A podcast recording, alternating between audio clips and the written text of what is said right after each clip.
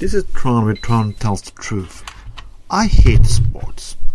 Not generally, but I hate sport and how we look at sport. And how we look at sport people, like they're a religious bunch of gods. Oh, Trond, you must be jealous because you were lousy in sport. And yes, I was lousy in sport. I was uh, horrible in soccer. I couldn't swim very fast, and when I did for a big run, I was hundreds of hundred meters behind anyone else. Sport wasn't the thing for me. But I lived on the city, in a city when sport was everything. Sport people, what you did in sport, how you played football, how you did this, how you did that. Fuck it all. Fuck it all. Fuck it, fuck it, fuck it, fuck it. There's too much time spending on sport.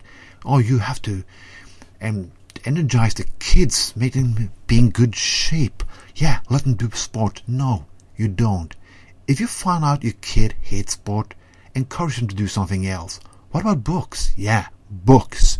Reading books is not boring, it's not nerdy, it's what makes you smart. Maybe you'll learn something.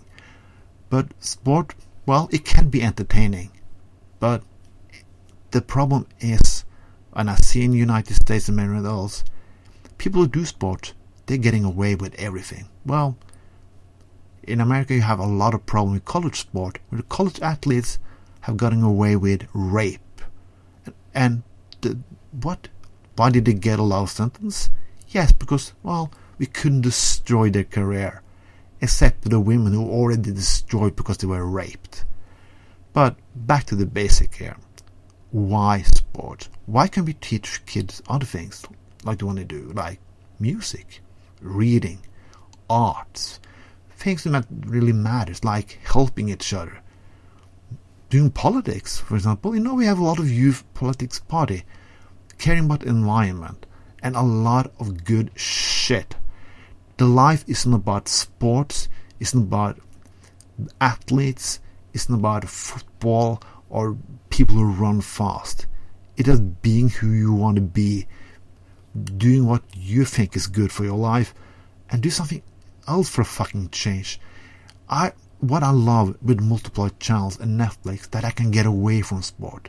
Today there was a newscast in Norway. Norway had played a big football match. It was a lot of things going on in the country, like the doctors on strike and uh, and a lot of and even the train drivers they were on strike too. But that was not important. The ten first minutes of the newscast on the biggest channel was Norway, Norway's match against a country called San Marino. If you don't know what San Marino is, it's a country with 33,000 people, not a very important nation. And what a football team! I don't give a fuck about it. Like I do, don't give a fuck about most football team. But that was the 10 first minutes of the new cast. Really? Aleppo children, please? I'm getting fucking furious over this. We should have sport-free zone.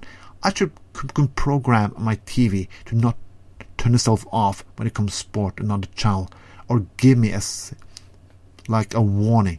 Sport is coming on in five minutes. Please turn over to channel with music or culture or literature or somebody else people really fucking need. Yes, that was Trond Trond Trust the Tooth. I'm still angry and I need a drink. Fuck you all.